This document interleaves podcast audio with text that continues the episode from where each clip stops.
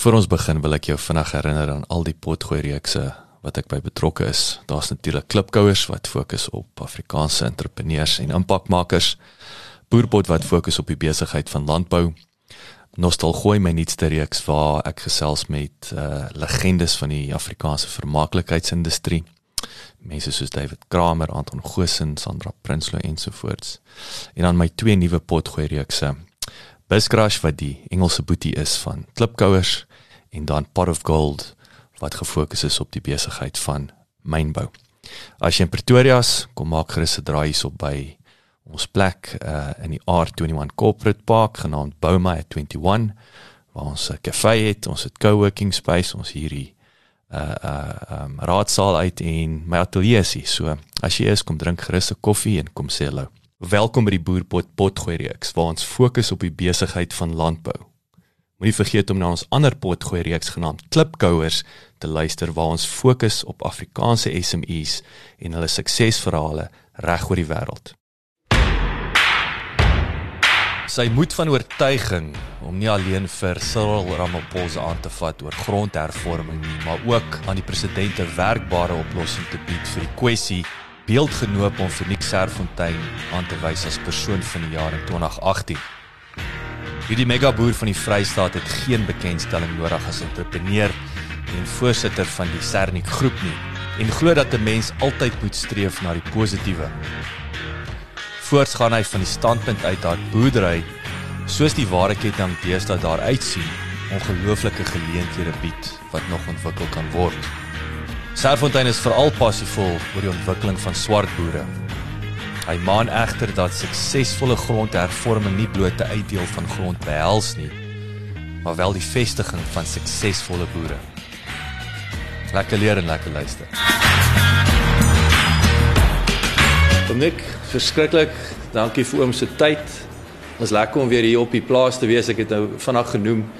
Ek dink dit was Februarie 2019 voor voor die groot gogga die wêreld getref het was ons hierso, maar ehm um, lekker om terug te wees. Dankie. Lekker om oom weer te sien ook. Ag, dankie Jacques. Dankie.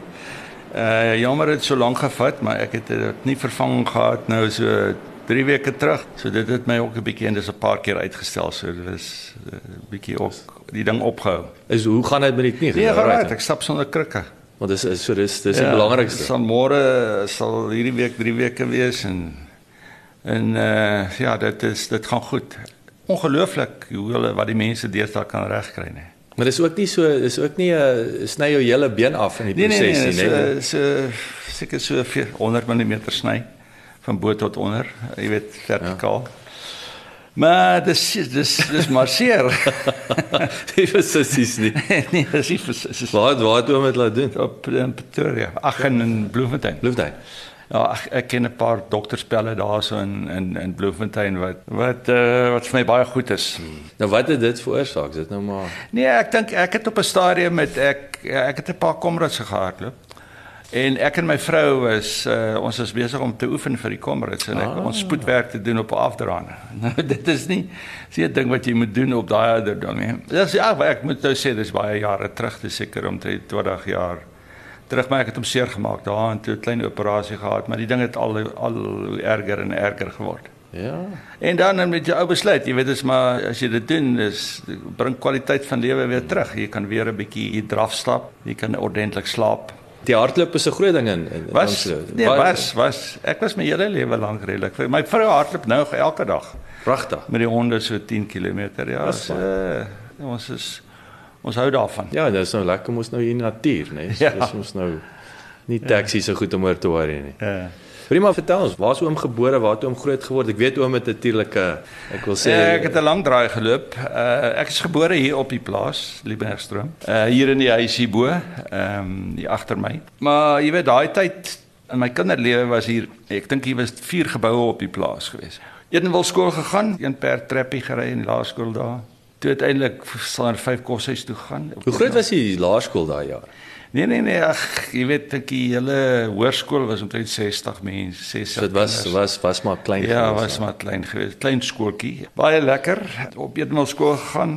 En uh, daar gematrikuleer. OK, toe jy weet ek is van kleins af het ek die boerdery in my bloed gehad. Ek was lief vir diere en ek het hier op die plaas het ek maar gewerskap. Bietjie gehelp en so aan. Na skool ek terugkom met plaas toe, maar my ouers het maar hulle het maar gesukkel, jy weet. Hulle was maar gemengde boerdery en Hulle het maar gesukkel toe sê hulle nee, daar is nie 'n manier hoe ek kan terugkom boerdery toe. Daar is nie toekoms in die boerdery nie. Toe het ek maar besluit dat ek gaan studeer in ingenieurswese. Pretoria gestudeer ingenieurswese en toe in Mafeking beland. Ek kan vir jou lank stories vertel oor Mafeking. Nee, maar vertel ons bietjie, maar hoekom ingenieurswese? Is dit nou maar net Dit was net 'n gawe gehad om met goed te kon Ja, ek is tinker? Ek is 'n bietjie van 'n skepende mens. Ek, ek hou van om goed te skep. Jy weet in ingenieurswese is baie soos argitektuur en daai tipe van goed is, is skepende goed. Ek sou byvoorbeeld nooit tandarts of so iets kon gaan doen nie. My oorlede broer, hy uh, hy medies geswat. Ongelukkig is hy op 27 jaar as hy dood aan breinkanker. Ai. Kan jy dit glo? So dit was maar in my bloed gewees. In Mafeking beland, geneerspraktyk daar beginne. Hoekom Mafeking? Ek het eintlik by 'n ingenieursfirma aangesluit en hulle het besluit hulle gaan 'n kantoor wil 'n kantoor oop met Mafeking. Want Mafeking was daai in die begin jare van Botswana gewees. Mm. En Mafeking is is waarskynlik een van die lelikste plekke in Suid-Afrika na Edenwil. Uh Hoe mag dit sê? maar, maar jy weet uh, Jacques dat Mafeking was 'n ongelooflike plek geweest. Mafeking en toe Mabatu en toe weer Mahikeng en et cetera et cetera. So die ding het baie verander. Maar die ou Botswana waar ek meeste van my besigheidsjare gesluit het, was 'n ongelooflike plek. Die gevoel tussen rasse was so ongelooflik. Oorkant my het 'n swart dokter gebly, 'n uh, chirurg. Ons is belle geweest. En aardig genoeg toe toe die bom bars in 1994 in in Mafeking. Toe dis dit soos dag by nag hoe die dinge verander het. Dis rasse spanning en en so aan. Maar Mafeking was vir my baie goed geweest. Ek het goed geld gemaak daar en dit my staat gestel om in 1983 hier 'n klein 'n klein plaasie langs aan te koop en te begin boer. Uiteindelik het ek hierdie plaas waar ons nou sit, het ek het ek by die bank gaan oorneem want my ouers het maar gesukkel.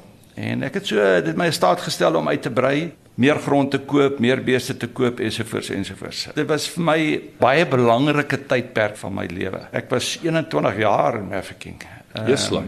Wat wat het die ekonomie gedryf op daai stadium? daai stadium, kyk daar was baie ontwikkeling. Ou Lucas Mangopie het ongelooflike ontwikkeling gedoen, silo's gebou en damme gebou. Ek het 10 groot damme gebou in in in ek, ek is, is eintlik 'n professionele dambouer. Nee, magie. Ek het 'n sertifikaat hier wat ek van hom gekry het, die orde van die luiperd. Wat ek gekry het ten opsigte van die ontwikkeling van die waterbronne van Botswana. Vreeslik ontwikkel uit die aard van die saak. Die was die eerste casino was daar gewees in in Mabatu. Die groeikoers op daai stadium toe ek daar was, in die tyd wat ek daar was, is was omtrent 7% gewees. Jos. Aanhoudend. Ja. So Mangopi was 'n hy was 'n totale autokraat. Maar, maar nie ten koste van die mense nie. Nee, maar ek sê, jy weet, Afrika het goeie autokrate nodig. Hmm. Dit is my siening. Goeie autokrate. Ja, ja. Uh, nie demokratie. Kyk, Demokrasie is sommer hmm. sommer klomp rubbish. Hmm. So hy het uh, Mankopi het goed gedoen. Hy het baie baie ontwikkeling gedoen en dit was sad dat wat toe gebeur het daar. So jy weet, nou die ou was is ook al dood. Uh toe die nuwe regering ingekom, Popo Molefe was premier geweest. Dit was vir my 'n geweldige slag. Ek moes my kantoor afskaal omtrent met 60%. Pragtig. Want jy weet ons het baie goeie verhoudinge gehad met die ou Botswana regering. Goeie werk gedoen en nou kom hier 'n nuwe regering en dan jy weet alles wat in die ou tyd gebeur het. Dis alles oor- oor dieselfde kam geskeer. Uh, alles is mos nou mm. taboe. Mm, mm. Ek moes baie afskaal en dan moet ek sê, jy weet dit was vir my baie belangrike lesse geleer in die lewe om daai trauma te ervaar.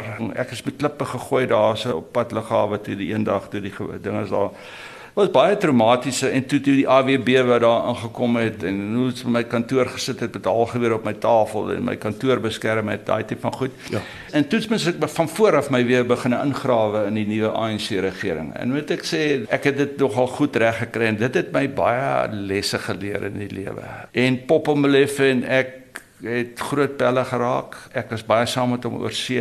En natuurlik die mense wat daarop gevolg het, die volgende premier en die min- ministers ensovoorts ensovoorts. Ja, so uh, Mafeking was vir my oor die algemeen baie goed geweest. Ek is in 2000 is ek daar ek Pretoria toe getrek want ons hoofkantoor was in Pretoria. Ek wou nie. Ja, so dit was my 'n ongelooflike tyd gewees. As oom nou terugdink aan daai tyd, jy weet wat was daai ek sal sê 2, 3 lesse wat om te doen, wat om nie te doen, selfs net om daai besigheid te gegroei daarso en natuurlik nou die trauma soos oom sê wat selfs deur daai trauma te kan ja. gaan en nie weg te hardloop Pretoria toe nie om ja, ja. om daai verhoudinge voort te sit ja. en so. Ja, kyk, ek dink ek het my verskriklik nederig met die nuwe mense wat daar gekom het. Jy het nie gesê sê hoorie so ek's in die Serfontein en dis hoe goed ek is nie en dit is hoeveel damme ek gebou het hoe ek die waterbronne ontwikkel en die dinge. Hy het jou stadig aan ingegrawe. Dit was nie 'n quick fix solution nie. Dit het omtrent 'n jaar, 2 jaar gevat om jou weer om vertroue te wen by hierdie nuwe mense. Want ja. vertroue is alles. Okay, daai tyd was daar nie hierdie korrupsie van vandag nie, maar wat ou wel geïrriteer het is alles moes verander. Sommige maar net al werk dit. Ja, al die ou Agricor wat daar was, is 'n ontwikkelingskoöperasie wat daar was wat Mogopi het tot staan gebring het.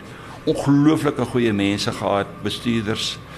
Die ontwikkeling wat daar gedoen is, dit moes ewe skielik verander. Die Nywerheids ontwikkelingskoöperasie wat daar was, dit moes verander. Alles moes verander. Dit was nogal sad geweest. So iets verryke ou se lewe was nie lekker geweest nie, maar dit dit maak van 'n mens 'n beter mens. Hmm. Hoekom het jy besluit om vas te byt? Is daar iets in die in die gene daar wat Ja, ja ek dink ons het op daai stadium toe ek toe dit gebeur het in 94 toe voor dit gebeur het, ons ons was ongelooflik goed ingegrawe hmm. in die in die ou Botswana. 'n Groot deel van ons werk het daarvan af gekom. Praat van die firma se werk. Ja. So aan die een kant is daar kommersiële redes wat jy nie net kan afsny en hardloop. Daar was kommersiële redes en die vraag is wat dinge in Suid-Afrika, die res van Suid-Afrika ook ook verander. So jy weet waar jy gaan jy nou? Bly jy by 'n plek waar jy ken en waar jy die meeste dele van jou besigheid loopbaan deurgegaan het? Of gaan jy na 'n ander plek soos Pretoria? Pretoria het ook verander hmm. uh, daai tyd. Bedoel as dit verander, die munisipaliteite het verander. Die ewe skielik moes jy begin geld onder die tafel begin betaal het en dan kry jy nie werk nie. Hmm. So jy weet en dit was teen ons beginsels. Ek het my aangebly en en deurgedruk en toe ek uiteindelik klompie jare later toe ons weer terug waar ons was. In daai tyd het ek ook begin 'n boer. In 1983 het ek het ek my eerste plaasie weer gekoop. Ekskuus om om in die rede te val. Wat was die geheim? Of ek wil sê wat was die triek? Weet jy 'n miljonair wil wees dan vat jy jou 2 miljoen en jy koop 'n ja. plaas jy boer tot jy 'n miljoen ja, het, ja. nê? Nee. So so wat wat was daai geleentheid of die triek om oom kon sê luister ja. ek kan my geld hierso kom spandeer en ek weet ek gaan ietsie van kan maak of was dit net 'n lifestyle? Ek het nie geweet nie. nee, kyk, kyk ek sou nie hierdie boerdery kon begin het sonder my inkomste uit die raadgewer ingenieurspraktyk nie. Vergeet dit. Ek dit dit dit is net in die boerdery is dit te dis net te moeilik vandag om te sê ek gaan 'n stuk grond koop en gaan geld by die bank leen en, en, en ek gaan ek gaan ek gaan boer. Ek het daai ek het daai backing gehad van my inkomste uit die raadgewende ingenieurspraktyk. En dit is regtig waar ons het goed geld gemaak daai mm, tyd. Mm, mm, mm. So al al my geld wat ek gemaak het, elke bietjie sent wat ek gemaak het, ek het nie het ek maar in die boerdery aangedruk of in grond en in beeste. Maar ek het op 'n stadium met ek het ek hierdie beesboerdery so bekyk en ek het gesê wie wat hierdie is 'n marginale besigheid. Ek moet iets anders ter probeer doen om by die eindverbruiker uit te kom. Om by die eindverbruiker te kom, moet jy jy moet die grond hê, jy moet die beeste hê, jy moet die voerkraal hê, jy moet die voerfabriek hê, jy moet die abattoir hê, jy moet die slaghuis hê. So het ek uiteindelik die hele waardeketting in daai tyd gebruik. Nou maar jy weet wat, ek het baie hard gewerk daarso. Ek het ek het tot in die aande 11 uur gewerk in die praktyk, Saterdag, Sondag en toe het ek nou hierdie ding ook aangepak. Ja. So ek het baie foute gemaak. Hmm. En as daar's baie goed wat ek aangepak het, het ek niks van geweet het nie. Absoluut niks nie. Ek bedoel maar ek het 'n abattoir gekoop op 'n stadium. Ek het nie eens geweet hoe lyk die binnekant van 'n abattoir. so dis jy weet 'n uh, bietjie kanse gevat. Ek is ook 'n uh, persoon wat ek kan nie wag tot ek 95% van die inligting het nie. Ek het altyd gesê as ek 51% van die inligting het, dan neem ek 'n besluit. Baie van die besluite was gut feel geweest, absoluut gut feel. Sê enige ou vir my, okay, maar 51%, hoeveel mislukkings het jy gehad? Sê ek van meer as 50%. Ag, minder as 50%. so, ek het 'n bietjie van 'n loose cannon geweest op 'n stadium maar uiteindelik het dit afgekom. Maar dit was daai soos oom sê daar's 'n calculated risk komponent ja. daarin. Vertel ons nou 'n bietjie, wat se tipe foute is oom nou terugkyk wat sê goeie hemel? Nee, kyk, ek dink Daar's seker goed wat ek aangepak het wat ek niks van geweet het. En jy weet 'n ou kan dit nie doen nie want jy kan in eers 1 jaar se tyd kan jy baie geld verloor. Byvoorbeeld in 'n sê nou 'n plek soos 'n abattoir of 'n nuwe voerfabriek of wat ook al. Jy jy maak nie voorsiening vir daai kontantvloei wat jy nodig mag hê nie en so ek was baie keer was ek op my knieë gewees wat kontantvloei aanbetref. Yes. Jacques, ek dink een van die belangrikste dinge wat ek vinnig geleer het en wat ek goed gedoen het. Ek het mense aangestel, ek het my omring met mense en mense aangestel wat beter is as ek is. 'n Minister omring hom met mense wat wat hy kan manipuleer. Ek het dit nie gedoen nie. Ek het mense aangestel, goeie mense aangestel wat ek gedink het ek moet by hulle leer. Dit was vir my beter besluite geweest en uh vandag nog ek omring my met mense wat nie noodwendig die draers van goeie nuus is nie. Uh jy moet vir my verskil. As ons almal hier om 'n tafel sit en ons dink almal dieselfde, dan dan gaan dit 'n gemors wees. Maar ek was 'n entrepreneur gewees. Ek, ek is die tipe persoon, ek moet 'n projek vat net tot op 'n punt. Dan moet ek hom los. Ek het nie die geduld al daai detail in te sit om hom te laat werk nie. So van die mense wat ek aangestel het, is detail mense gewees. Ding gevat en hom gevat tot op 'n punt vir hulle gelos van my mense is direkteure wat ook nou aandele koop in die maatskappy. Ons het hierdie afgelope jaar, 3 jaar het ons deur die spreekwoordelike hel gegaan in baie opsigte.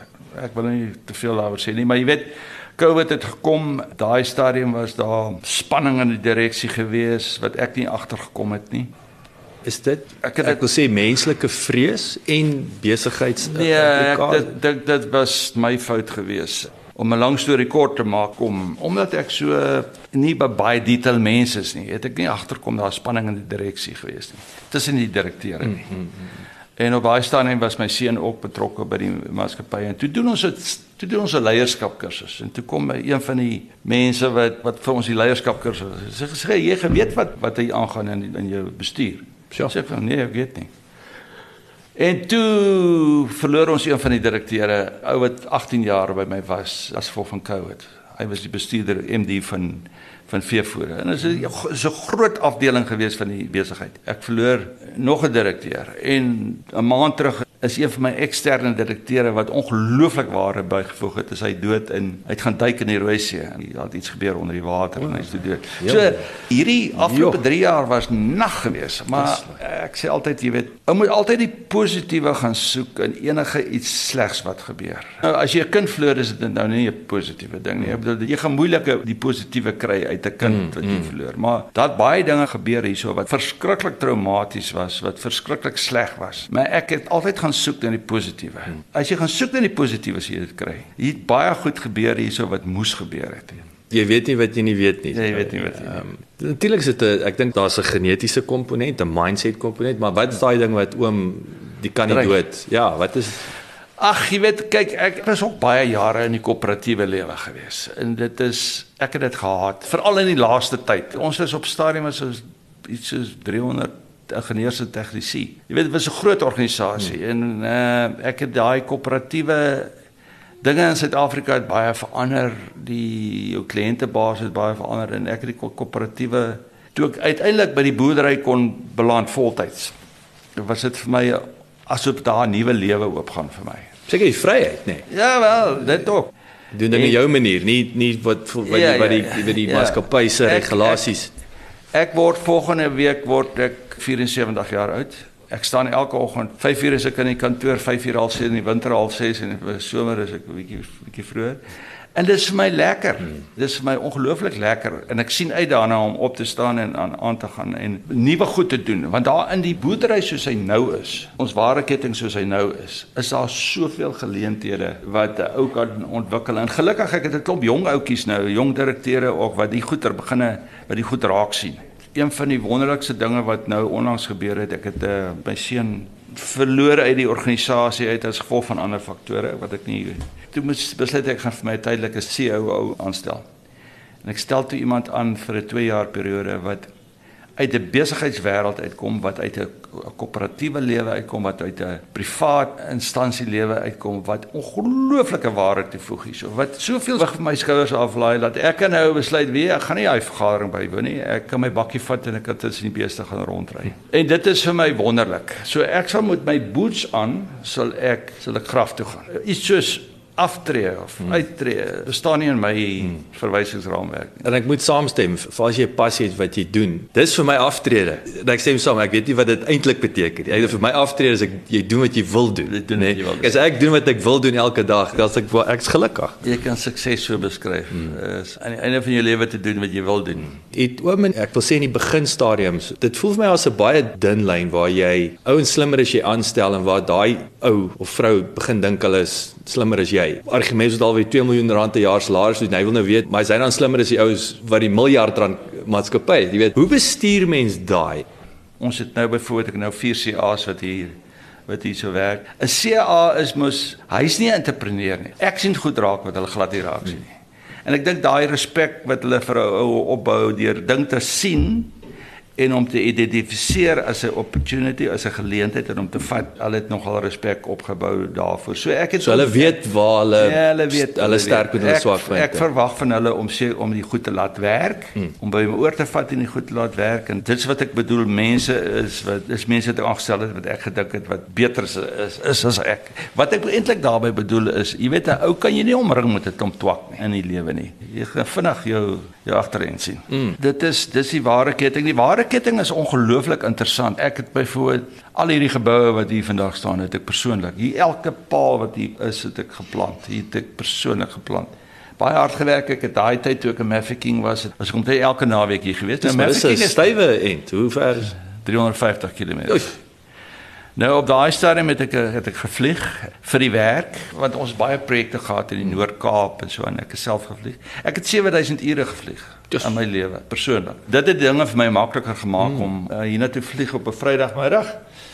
Kom met die lughawe skoppie wiele en dan gat jy en dan land jy hier net voor die donker is en dan Sondagmiddag gaan hy weer terug en ja. dit het ook baie gehelp om dit te kon gedoen het. Ja. Want Mafeking is ver, 350 km, ja, 4 ure se ry. Ja. So so wat ek sê, die ware ketting, ware ketting is baie interessant. Daar's baie geleenthede. Dis nie maklik nie. 'n Boerdery, 'n beesboerdery verskil baie van 'n saai boerdery van 'n veevoerfabriek van 'n voerkraal van 'n abattoir van 'n slaghuis. Uh Elkeen is anderste, nê. Mm, mm. Elkeen het sy eie dinamika en ek het baie skoolgeld betaal, ongelooflik baie skoolgeld betaal, maar enige iemand, enige jong boer kan hier by my aankom en ek kan vir hom deel my ondervinding. Waarskynlik omdat ek so baie skoolgeld betaal het, mm. jy weet, en met ons swart boerdery ontwikkeling ook, dis by my ook 'n passie gewees. Meeste voedselprodukte word of op plase geproduseer of is gebaseer op produkte wat van plase afkomstig is. Boere vervul dus 'n kardinale rol as die primêre skakel in die voedselwaardeketting. Die landbouwaardeketting omsluit die vloei van produkte en bied die geleentheid om waarde toe te voeg by elke stadium van die produksie, bemarkings en verbruikersproses. Volgens Nico hierdie waardeketting egter selfs heelwat meer geleenthede in vir die produsente van primêre voedsel. Spesifiek wat betref die verskaffing van primêre landbouprodukte teen bekostigbare pryse. Ek het nooit 'n besigheid gekoop, byvoorbeeld 'n abattoir gekoop of 'n slaghuis gekoop wat bestaan nie. Ek het die goed, ek het die ou Kroonstad munisipale abattoir gekoop die ingewing van die oomblik en begin ja, nou gaan ons geld maak. Baie baie foute gemaak. Weereens daar 'n abattoir soos baie besighede het 'n critical mass. As hy nie 80% deurset het van wat sy van sy kapasiteit nie, maak jy nie geld nie. 80%. Ja, ja. Hoog, so jy moet die ding van 'n waardeketting is hy moet heeltyd gebalanseer wees. Mm. Dieselfde met 'n voerkraal ook. Voerkraal hardloop omtrent ook kom omtrent 80%. As hy onder 80% hardloop van sy kapasiteit, dan maak dit geld nie. En heidaglik die voerkrale verlies. As gevolg van die mielieprys wat so hoog gestyg het, omtrent 75% van alle van alle beeste wat in Suid-Afrika geslag word, gaan deur voerkrale. Nou, jy weet as jy as jou mieliepryse in 'n beesveet vreet mielies, net soos hoender en 'n vark en sulke goeders. As jou mielieprys styg van 2000 na 4000, verdubbel jou voerkoste mm, omtrent. Mm, mm. En uh, so op 'n stadium het, het die som glad nie gewerk in die voerkraal nie. Toe kom back and claw ewe skielik toe gaan word speenkalfpryse skiet die hoogte in en so daar's 'n klomp faktore wat bygedra het tot verliese maar ons moet ons moet ook aanvaar in so besigheid soos hierdie gaan jy deur siklusse gaan hmm. jy jy gaan deur siklusse gaan Eh, ou moet dit maar net aanvaar. Jy moet net daai siklusse, die downside moet jy maar net net bestuur. En dit kry ons reg, maar en maar die groot ding van 'n waardeketting, hy moet gebalanseerd wees. Wat jy inpomp moet daarom min of meer ooreenstem wat jy kan aan die ander kant uit. Dit is soos 'n borsmasjien. As jy te veel inpomp ja. hier so, bars die darm en so 'n waardeketting soos hierdie is is verskriklik kapitaalintensief en van die foute wat ek gemaak het is om te vinnig te gou uit uit te brei. En dit het lelike cashflow kontantvloei probleme veroorsaak. So een van die grootste foute wat ek gemaak het is te vinnig te gou te gaan op 'n stadium. En dit was nogal 'n traumatiese tydperk om daar uit te kom. Jy weet jy kan jou krediteure nie betaal nie en jy kan nie voorraad koop nie en jy kan nie. Was dit een van die watter besigheidseenheid was dit of wat? Ja, yes, almal almal gelyk. Ja, almal gelyk. Jy weet en as jou mielieprys styg, styg jou debiteure. Dis daar gaan uh, ja, ripple ripple effek. Ja, want ons ons verskaf baie voer aan baie mense. So as jou vleisprys styg, styg jou debiteure en En daai goed ou het nie genoeg voorsiening daarvan gemaak. As jy net 'n beesboerdery het, jy sulke goed tref jou. Al wat jy doen is verkoop 'n klop beeste. Maklik soos dit. Kom uit die uit die dinge uit. Maar wanneer jou debiteure verdubbel byvoorbeeld as gevolg van 'n prysstygings, mielieprys. Dit is nogal moeilik om uit sulke hmm. goed uit te beval as jy nie 'n goeie vennoot in 'n bank het. Dit is een van die belangrikste dinge soos in 'n besigheid soos ons. Maar goeie vennote hê, finansieringsvennote hê en om te doen wat jy sê jy gaan doen. Want dis die gouste wat 'n finansieringsinstansie jou los as jy nie doen wat jy sê jy gaan doen nie. So kontantvleis, uh, ek sê altyd een van my ECA's wat nou finansiële direkteur is. Hy het die afgelope paar jare, hy ek sê sê hy hy kan sy doktorsgraad verniet kry want dit wat hy geleer het van kontantvloei bestuur in die praktyk is 'n doktorsgraad reg. Ons praat oor van 'n waardeketting wat gebalanseerd moet wees. Kan een van daai eenhede nie geld maak? Dit is moontlik. Die voerkraal, ou dan net Jy vat 'n bees, sit hom in die voerkraal. Mm. Voerkraal koop die voer van die veevoerfabriek. So die veevoerfabriek maak geld. Mm. Nou voerkraal maak 'n verlies want dit die, die som werk nie. Ja.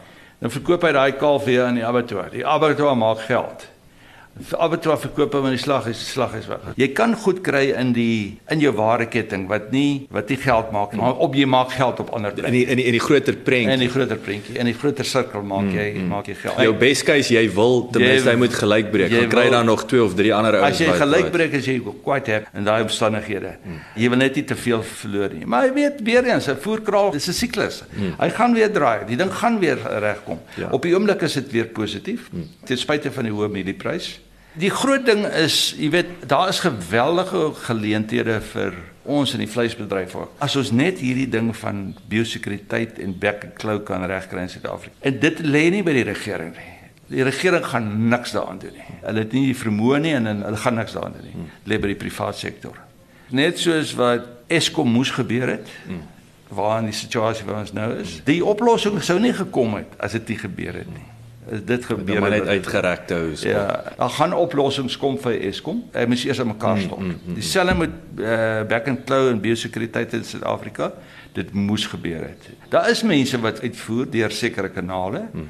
Maar back and claw moet beheer kan word in Suid-Afrika vir ons. En as ons kan uitvoer, dan gaan ons kan uitvoer. Dat soos ons boer. ons want ons ons speel nog ons nee, speel. ons speel met uitvoere, ja, nee, dit is nog. Kyk die boere van Suid-Afrika, jy moet net geleentheid gee om 'n ding te kan doen. Hulle sê vir jou produseer dat jy goed by jou ore uitkom. Is ek reg onthou is dit omtrent 95% van ons eie produksie vreet ons op of so iets, nê? Nee? Van vleis. Ja. Ons voer omtrent maar op die sterre 5% uit. Ja. Die res word wat hierso so in en en en is die rede daarvoor oor hierdie hindernisse.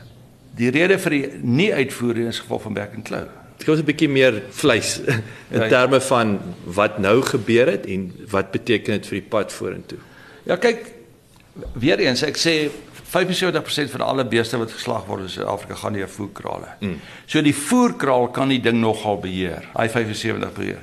40% van ons beeste sit in die kommunale gebiede daar's geen beheer whatsoever hmm. en daar sal ook nooit beheer wees nie maar daar's nie drade nie daar's nie heininge ja, nie ja. goed loop as jy byvoorbeeld sê net maar jy ry Mount toe Botswana toe jy gaan deur hoeveel van daai padblokkades hier by ons bestaan dit nie daar bestaan nie so iets nie hmm. Maar as ons in sekere dele van die land, ons sal nooit back and claw kan heeltemal uitskakel en dwars deur die land. Daar ja, gaan altyd plekke wees waar jy gaan waar hy gaan uitbroei en waar hy nie gaan beheer word nie. Maar as ons sekere areas kan kry wat skoon is, ons kan uitvoer. Ek jy sê dan gaan jy vleisbedryf sien wat wat regtig boom. Op die oomblik gaan dit goed. Waar's daai potensiële sirkels waar die ouens nou kampe wat ek wil sê spreekwoordelike kampe wat die vir die ja, toekoms kyk, uitvoer. Ek sou sê byvoorbeeld, ek sou sê byvoorbeeld in jou kommunale gebiede en plekke wat naby jou kommunale gebiede is, gaan jy dit nie kan doen nie. Ja. Soos byvoorbeeld in sekere dele van KwaZulu-Natal nie. In sekere dele van Limpopo. net te veel, as net te veel mense. Daar's te veel mense en daar's te veel beeste wat rondloop. Ja, en ja, so- ja, so ja. voort. En daar's geen beheer nie, geen siektebeheer nie. Groot dele van Noordwes van van die Vrystaat, van die Noord-Kaap en Oos-Kaap. Daar is areas wat jy kan beheer. Maar dit dit moet kom van die privaat sektor af. Als in Suid-Afrika en dis nie noodwendig sleg nie. Mm. Als in Suid-Afrika gaan in die toekoms maar afhang van die privaat sektor. Was die beste ou vir die job. Maar dis ek sê weer eens, kyk ons boere seil heeltyd teen die teen die weste wind. Maar dit maak van ons goeie boere. Mm. Uh, so dis nie noodwendig sleg nie. Mm. Ek wil uitkom by opleiding, regering. Vertel ons meer van oom se beeste. Hoekom ek voor ek nou die, die vraag klaar vra. Ek onthou ek het nou nou gepraat van Henny Viljoen. Dalk onthou ek verkeerd. Ek is baie seker was li- limousines, maar ek onthou daar was 'n groot fight met 'n veearts wat is 'n groot hofsaak geweest. Ek het toe eventueel gewen. Ek onthou was 'n groot ding. Ek dink jy het nonsens aangejaag, maar nou wil ek vra. Hy het nou daai tyd limousines. Nou hoekom ons maar vertel ons 'n bietjie die storie dan Ja, wel, die ek wil nou nie aan Bonsmara te veel assisteer nie. Ek is toe, ek is toevallig president van die Bonsmara genootskap. Ja. En jy weet dit is baie moeilik om te sê. Ek was anderdag by Ramaphosa se veiling gewees en hy drie rasse daar gehad om die aand vir die tyd het hy groot party gehou daar op Palapala nogal. En uh, ek was daar en die ander presidente van die ander genootskappe was ook daar. En toe vra die president vir ons ons moet iets elkeen moet iets sê. Toe kom die Ankolies nou daarso, daai Ankolies en hulle vertel vir hulle die president vertel hulle wat 'n ongelooflike mooi bees dit is en en dit en dat in die boranne en wat so mak is kan Pitchy manne nou sommer toe nou. Hè? Toe pitch hulle nou sommer. Ja ja, nee, toe, toe vertel elkeen elkeen nou sy storie, jy weet van hoekom is dit nou so 'n wonderlike ras. En toe sê ek vir die ouens, ek sê boys, kyk na die scorebord. Kyk na die scorebord. Ja. 50% van alle beeste in Suid-Afrika is bonsmaras. Hoekom? Hoekom is 50% van alle beeste in Suid-Afrika? Dis 'n jong ras wat van die dag wat hy gelonch is, dink is iets so 36 jaar tussen die grootste rasse in Suid-Afrika. So jy weet dit is Dis dis dis en dis uniek en soos Dis- die, die, die data doen die die- praat werk. Die die die, die, die ding praat vir homself. So jy hoef hom nie te adverteer nie. Jy hoef hom nie te dis 'n dis 'n goeie ras. Dis 'n maklike ras. Dis 'n ding wat die voerkrale verkies. Uh, hulle presteer ongelooflik goed in die voerkraal.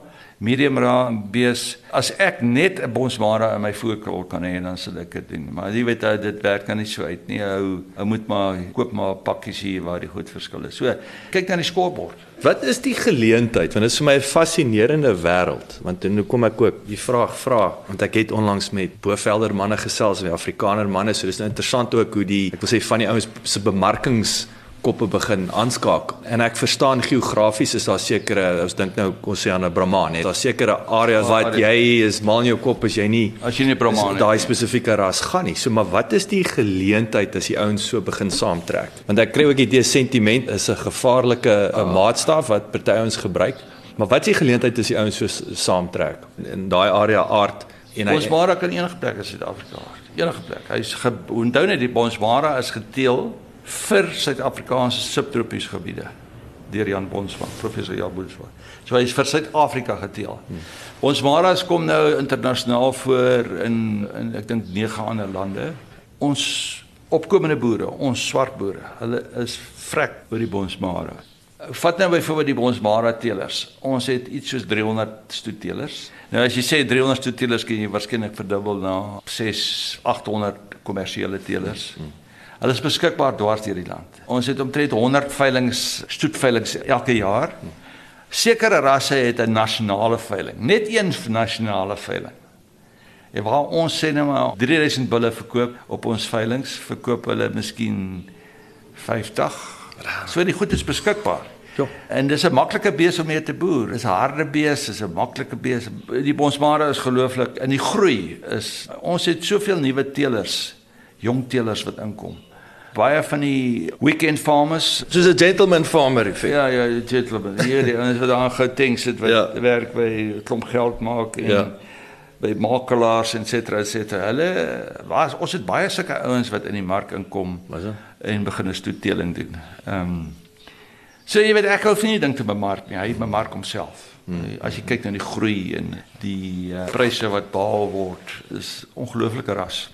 Is dit die eerste liefde van die besighede? Wat is daai tweede en daai derde is? Is oom nou nie mag met nee, die nee, nee, beeste? nee, nee, nee, nee, nee, die beeste is die beeste is my groot liefde. Dis 'n ongelooflike voorreg om te kan deel. Kyk, dis 'n verskriklike wetenskaplike ding om sekere gene bymekaar te kan sit en dan kry jy 'n sekere resultaat. Hmm. Maar die beeste is my passie. Baie wetenskaplik.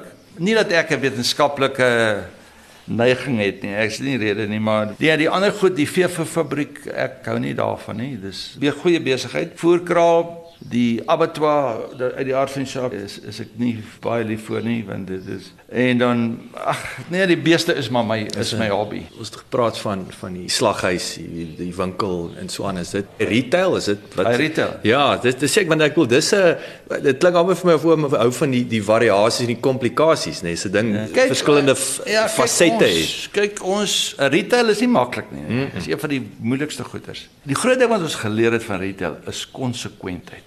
Jy moet net die stuk vleis wat jy vandag op die rak sit, mm.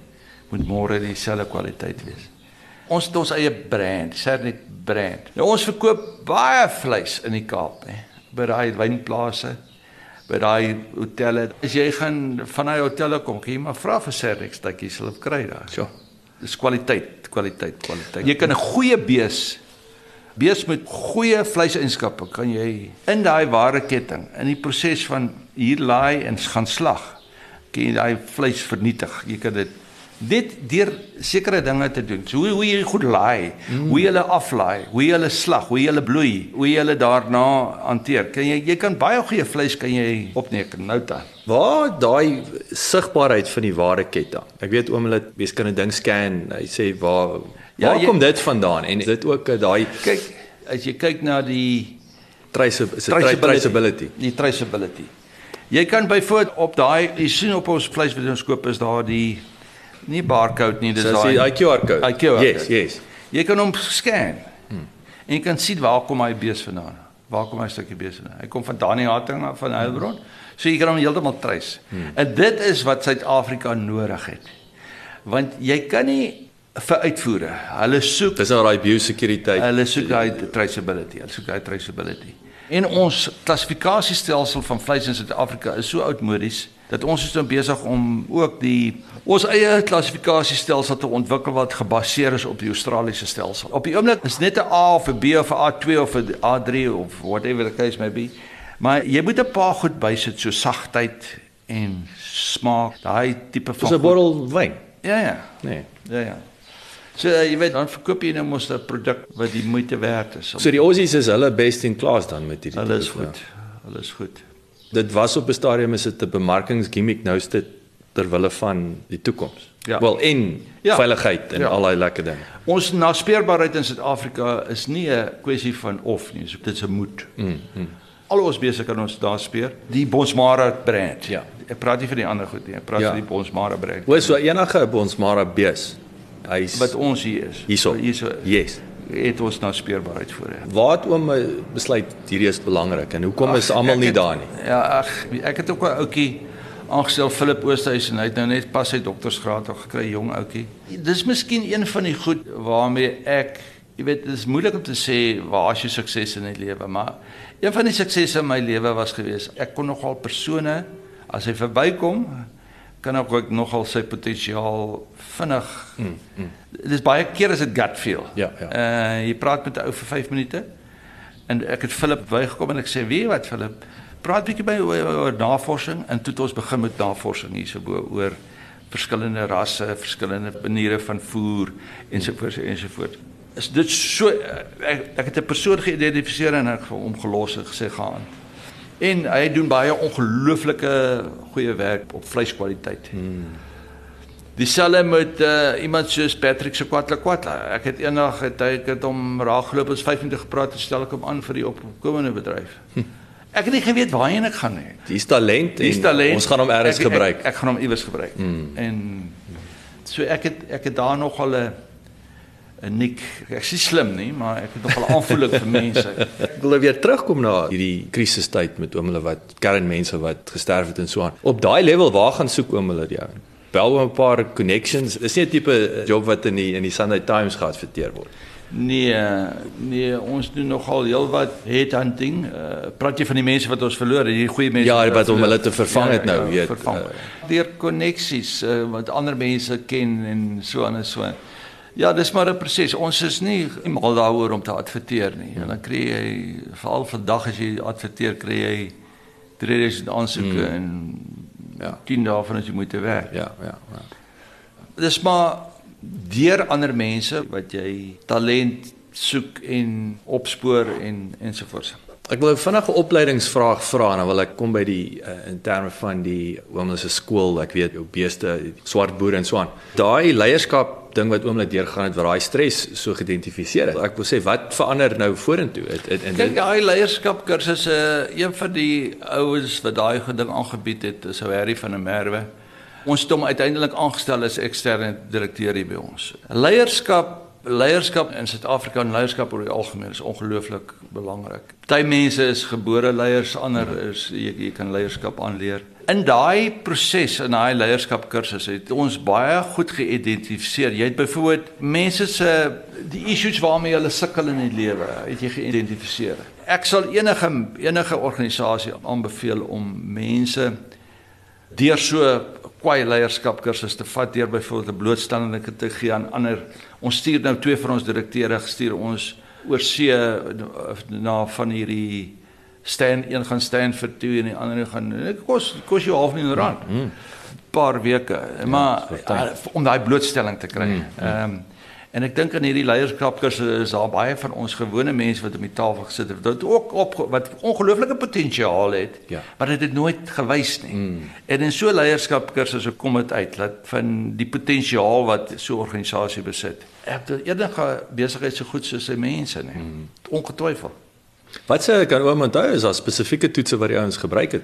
O, ja, slag baie toetse geskryf. Ek was deel. Ek het gesê ek gesê ek gaan self daar wees. Ek wil graag 'n voorbeeld gestel het. En daar's baie baie goed wat ons gedoen het. Ek kan nie meer alles onthou nie, maar De, wat, oom het iets geleer vir hom.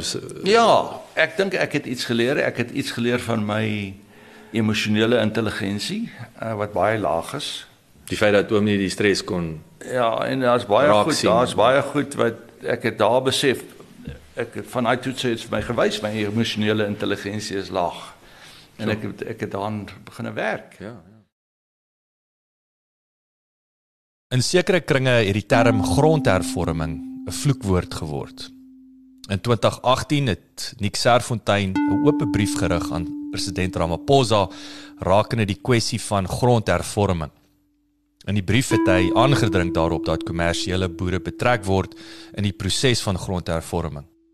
Volgens hom is die enigste manier om suksesvolle swart kommersiële boere te vestig in Suid-Afrika 'n proses waardeur die wat die vermoë openbaar om te kan boer, toegerus word met die nodige opleiding en toegang verkry tot finansiering en mentorskap. Ek wou by Nick hoor hoe presies hierdie opspraakwekkende inisiatief gestalte gekry het en wat die toekoms inhou wat betref die opleiding van opkomende boere. Ja, toekoms lyk nie so goed nie wat dit aanbetref nie, maar waar dit begin het, ek het hierso omtrent in 2015, dan kom maar van die boere hier aan, jy weet, hoor jy maar van hulle hoe kla hulle, ek praat van die swart boere dat hulle hoe hulle behandel word by die departement van landbou, die departement van grondsake ensovoorts ensovoorts en jy weet dit toe kom ek agter dat die klomp hulle is agter hierdie beloftes aan wat daar hulle gemaak is. Maar hulle hardloop soos 'n afkop hoenders rond deur die hele Suid-Afrika van die een deur na die ander een, van die een bank na die ander, die een departement van die ander. Agter elke deur sit daar 'n korrupte amptenaar. Besluit ek ek wil vir hulle iets doen. Toe kom Patrick verby. Toe op daai stadium kom Patrick en ek weet Patrick een keer raak geloop by 'n by 'n plek en ek sê, "Eers hierdie ou het potensiaal. Kom ons try iets." Nou kry ek vir Patrick, ek self vir Patrick in. Nou sê ek van Patrick, ek weet nie wat ons gedoen nie. Maar ons moet iets doen vir hierdie mense. Ons besluit toe ons hou 'n boeredag. Ons nooi, hy stuur 'n klomp SMS'e uit hier draag boeredag, hier daag 300 mense op op op 'n dag. Maar jy weet om daai mense se opgewondenheid te ervaar in hulle hoe hulle sit in 'n stoel en hulle eye expressions en mm. hulle hulle gesigte. Want vir die eerste keer gaan hy na 'n plek toe waar hy iets leer. Mm. Ons hou 'n simpel boeredag. Verskriklike groot sukses. En ek en Patrick besluit daarna maar ons gaan aan met die ding. Ons begin met 'n simpel boeredag. Toe ons 'n klomp kleiner boere daar reg oor die Vrystaat. Toe kom doen ons aansoek by die jobs van fondse want jy kan nie opleiding doen in Suid-Afrika sonder grant funding nie. Jy jy, jy moet grant funding. Dis waar die regering totaal en al vol. Wat ons agtergekom het, jy moet vir daai boer net 5 goed gee. Jy moet hom toegang tot grond gee. Jy moet vir hom hy moet toegang hê tot grond. Either uh, titelakte of 'n huurkontrak. Mm -hmm. So moet toegang. Jy moet vir hom basiese infrastruktuur gee. Baie van die ouens Hulle kry grond, daar is nie 'n stukkie draad op nie, daar's nie 'n windpomp op nie, daar's nie waar jy sê. Hoe kan jy begin? Waar jy gaan hy nou hardloop by 'n Absa toe. Mm. Sê Absa vir hom, maar jy het nie kollateraal nie, jy het sekuriteit want jy huur hierdie grond by die regering. So mm. waar begin jy? Mm. Jy moet van basiese infrastruktuur gee soos heininge, water en hanteringsfasiliteite.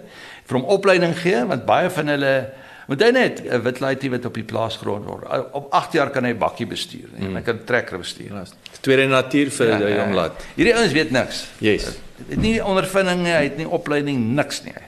Hy weet nie om 'n beeste spuit nie. Van toegang gee tot finansiering uh en met hom mentor en monitor. Mm. Simpel, eenvoudig. Hierdie is nie rocket science nie, mm. Jacques. Wat is moeilik daaromtrent om vir 'n ou op te lei vir hom basiese infrastruktuur gee, nie van miljoene rande nie, 300 000 rand te plaas. Ja.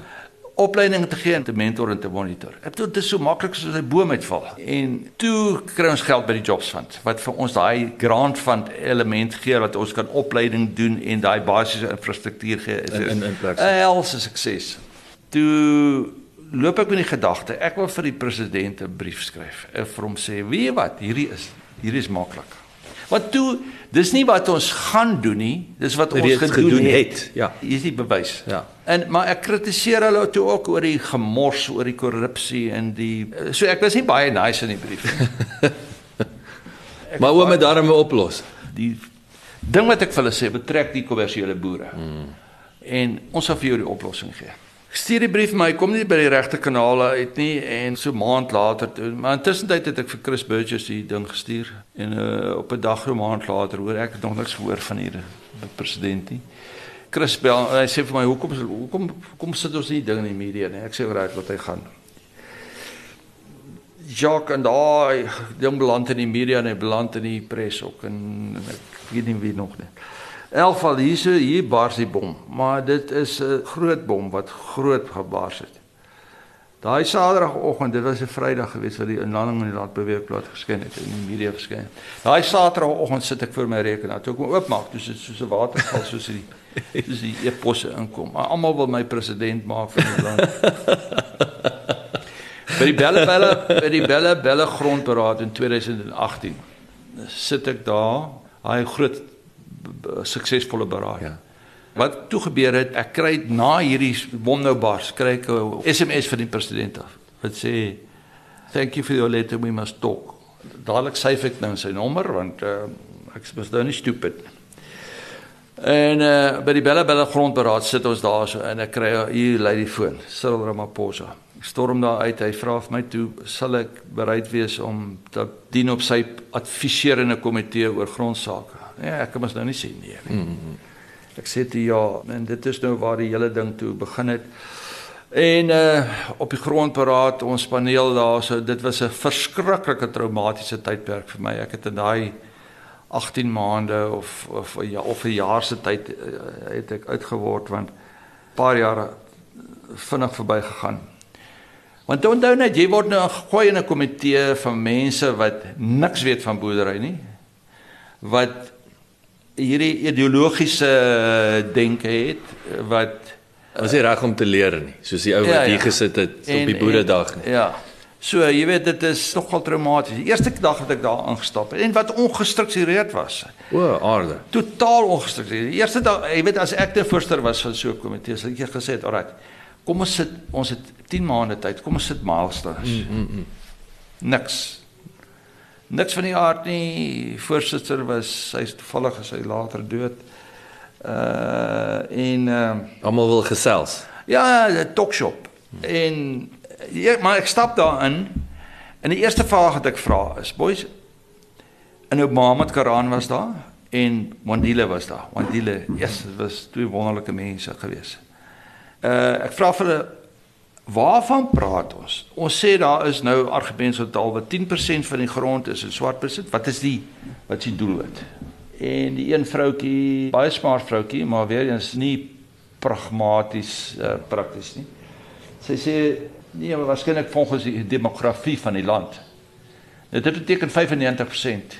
95% in in swart besit. En daai dag te besef ek.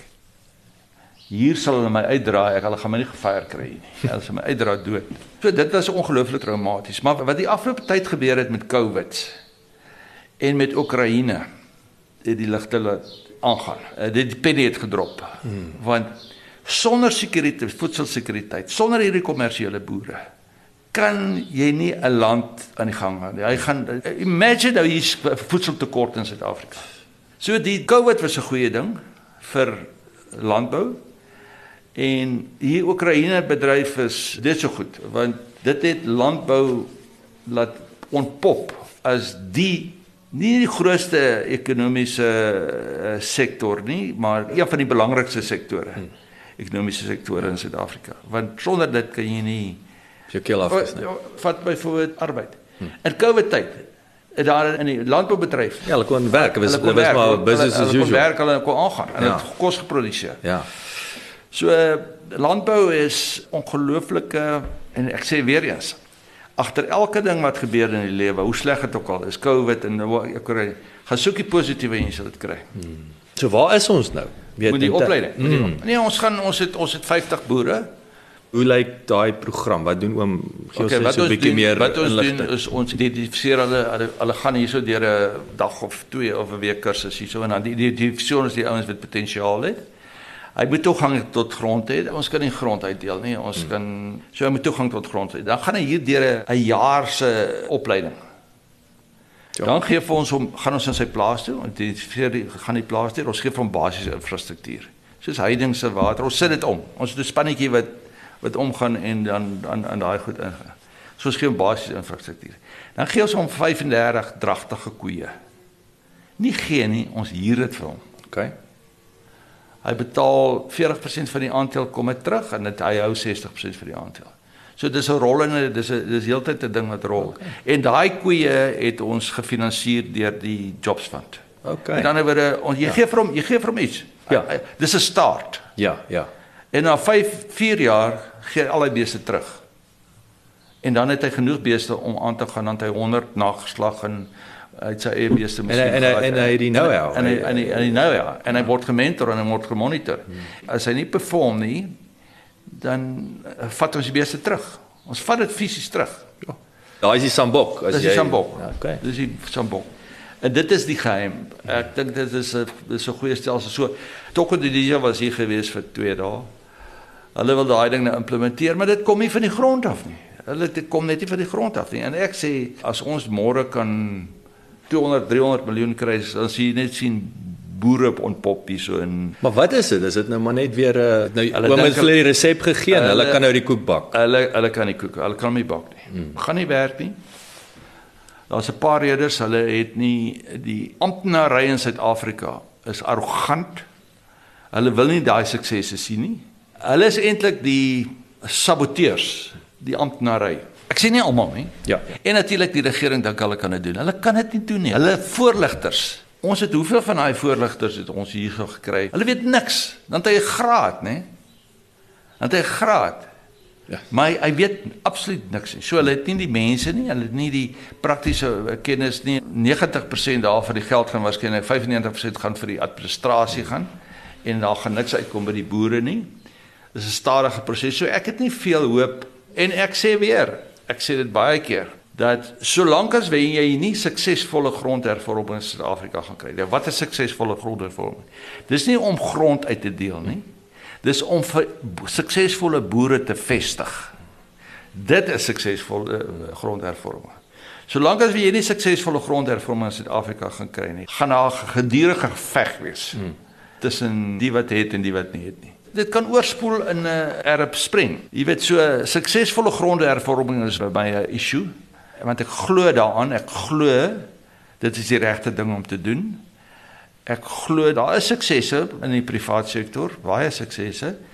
Maar dit gaan te stadig. Dit gaan te stadig en uh, as dit nie vinniger gaan nie, dan gaan ons moeilike tye. En dit is 'n ongelooflike gevoel wat 'n ou kry as jy hierdie mense hier kry en jy sien hoe suksesvol is hulle. Ek het byvoorbeeld al ons boere het ek nou lidmaatskap gemaak van die Hoofveld ons Mare Klub. Hulle smag so so na 'n belonging, 'n place of belonging. Dit is mos nou niks om dit te doen nie. Hmm. Jy het nou baie kritisie gekry op ek steur my nie daaraan nie. Maar maar ek wil amper sê daar weet jy darm like-mindedness. Dit is nog 'n 'n medebonsmara boer. Maak nou nie ja. saak of hy nou baie minder het nie. Dis dis 'n ja. like-mindedness. En weet wat Jacques, ek het nou byvoorbeeld my laaste veiling, ek hou was in hierdie maand gewees. 40% van die omset het van daai mense afgekom. Pragtig. Jy praat van omtrent 9 miljoen rand wat van daai mense afgekom het. Ja. So, wat is ek ek glo nie stupid nie. Dis my toekomstige my klein kleinkinders se hmm. en hulle kind, kinders se ja, se se toekomstige mark daar. Ja. Jy ons sien dit hier raak. Sjoe. Sjoe, sjoe, sjoe. Hulle Glo my laaste vraag in die pylvak en ek wil weer opleiding. Oom het nou genoem daar's heelwat privaat of ander uh, suksesverhale. My eerste vraag is deel die ouens te min in terme van best practice, deel die ouens genoeg resepte in terme van wat hulle doen soos oom se se kommersiële boere. Ja. So oom so kommersiële boer uh, suksesresep soos wat hierso aan die gebeur is. Hoe deel die ouens inligting is my eerste vraag en dan nommer 2 wat daarbey aansluit is ook hoe leer die boere? Ek bedoel want dit voel ook vir my die kommersiële boere is my interessant omdat ek met ouens en nie eers wyd nie. Ek sal met ou in die Oos-Vrystaat gesels en dan gesels ek met 'n ander ou in die Wes-Vrystaat. Maar hulle weet nie van mekaar nie, maar hulle is al twee super suksesvol. Jy weet so dis half vir my 'n en is selfs of ons nou wat 'n miljoen boere het nie. Jy weet so ek wou amper sê waar's oom se ewe knie waar mense kan sit en behalwe nou 'n ja. 'n per ongelukke gesprek ja. wat by 'n braaivleisvuur gebeur. Ja, ja, kyk wat ons wat byvoorbeeld die Bonsmara ouens nou doen. Dit is 'n ding wat ek probeer het om te sê dat ons moet 'n tegniese adviseur of 'n ras adviseur aanstel by Bonsmara SA wat net daai boere doen. Hy moet smart wees. Hmm.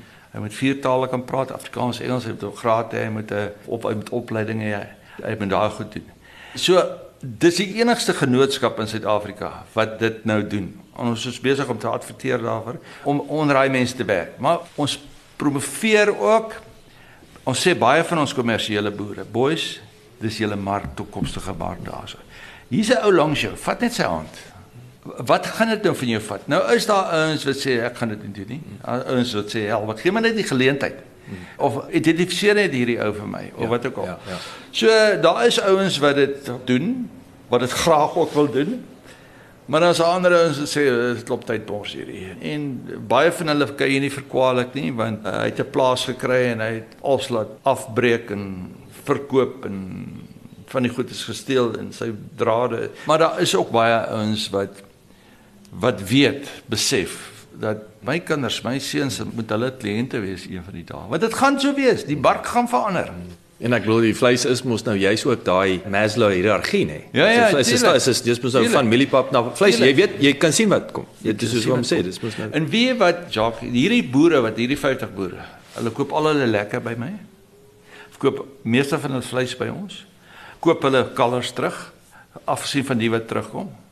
So hulle word deel van die ware ketting. Nou jy kan imagine nou, hoe groot word daai ding. Dit is vir hulle so belangrik om deel te wees van soos ek gesê het net van 'n klip of 'n uh, bosmare genootskap of van so ware ketting. Hulle aanbid die grond uh, waarop ek loop hier. Dit is vir my lekker om daai suksesse met hulle te kan deel. Ja, ja. So laaste een, ek kom nou weer terug na wat vir my een van die kragtige punte in in ons gesprek vandag was hierdie as pop oor die fans strike. Jy weet, ja, ja. jy gaan iets positiefs uit dit kry. Hoe deel oom hulle met oom se ewe knie? Hoe deel julle inligting? Kan ek klaar nou terugkom en sê ek neem aan dan word leierskap nie bespreek om 'n braaivleisvuur nie. Ja ja, as ek nou ja, ja. so 'n voorbeeld mag Ja, jy weet dit is ongelukkig as dit nou so kyk daar's nou hier's mos hierdie Pro Agri eh, waar jou groot boere nou deel is van maar baie van die inligting kom maar deur boere daar want daar word baie boere daar gehou. Ek praat van kommersiële boere. As ek byvoorbeeld ek het elke jaar het ek 'n boeredag voor my veiling. Dan praat 'n ou bietjie jy praat genetika, jy praat bietjie politiek, jy praat bietjie ekonomie en daai tipe van goed. En so is daar baie sulke boere daar. Hierdie boereverenigings is nogal baie aktief. En hulle kom een keer 'n maand bymekaar en dan deel hulle inligting. Uh, en daar's verskriklik baie jong boere wat daar uit ontwikkel word en kom. So hierdie boereverenigings is nogal baie baie baie aktief. So dit is maar hoe ons die goed deel, maar die jou probleme is baie van hierdie groot kommersiële boere, hulle is net te besig, nee. Hmm. Maar ek kry hierso besoeke, ten minste boereverenigings wat hier na toe kom, groepe wat hier na toe kom. En ons maak tyd vir hulle want dit is nie jy kan nou sê dis tydrowend en dit kos ons geld wat ons gee vir hulle kos ook en uh, gaan ons nou nie iemand dan die gas aan hier nou toe laat kom en jy gaan hom laat betaal nie. Ja, uh, ja. Maar ons doen regtig moeite met hierdie groepe, baie buitelanders, buitelandse groepe Amerikaners, Australiërs, Nieu-Seelanders, Duitsers uh, wat hier na toe kom veral rondom Nampo se tyd. Hmm. So ons doen moeite, maar ons doen ook baie moeite met ons eie mense uh, wat hier na toe kom. Skole landbouskole, eh, landboukolleges, universiteite. Onthou net baie van hulle word nie blootgestel in die praktyk nie. En boerdery vandag is nie 'n hobby nie, dit vir my is dit 'n hobby, maar dit is 'n wetenskap. Dit is 'n ongelooflike wetenskap. Ek bedoel of dit nou is vir hierdie bultstasie of dit nou is in die veevoere of die voerkraal of waar ook al, dat jy moet weet wat jy doen. Hmm. Omek, verskrik dankie. Dit is absoluut 'n fascinerende gesprek. Ek is ook nie verbaas. Ek sê altyd, jy weet, wat jy saai sal jy maai. Jy weet, dis met ja. interessant. Oom se suksesse en goeders, maar dis ook in dieselfde oom ploeg baie terug en so aan. En soos hierso, verskrik dankie vir oom ja. se tyd. Ek het baie waardering daarvoor en uh dit was heerlik met oom te ja, gesels. Ja, dankie Jacques, dankie vir jou. Dit is altyd stimulerend so gesprek. Dat hou nog 'n bietjie dink partykeer agterna, jy weet, maar dankie. Dit is regtig lekker geweest om dit te praat. Baie dankie dat jy geluister het. As jy gehou het van die episode, onthou asseblief om te deel met jou vriende en familie en baie belangrik teken sommer in dat jy op hoogte kan bly van al die nuwe episode. Besoek gerus ons Facebookblad @bootpot.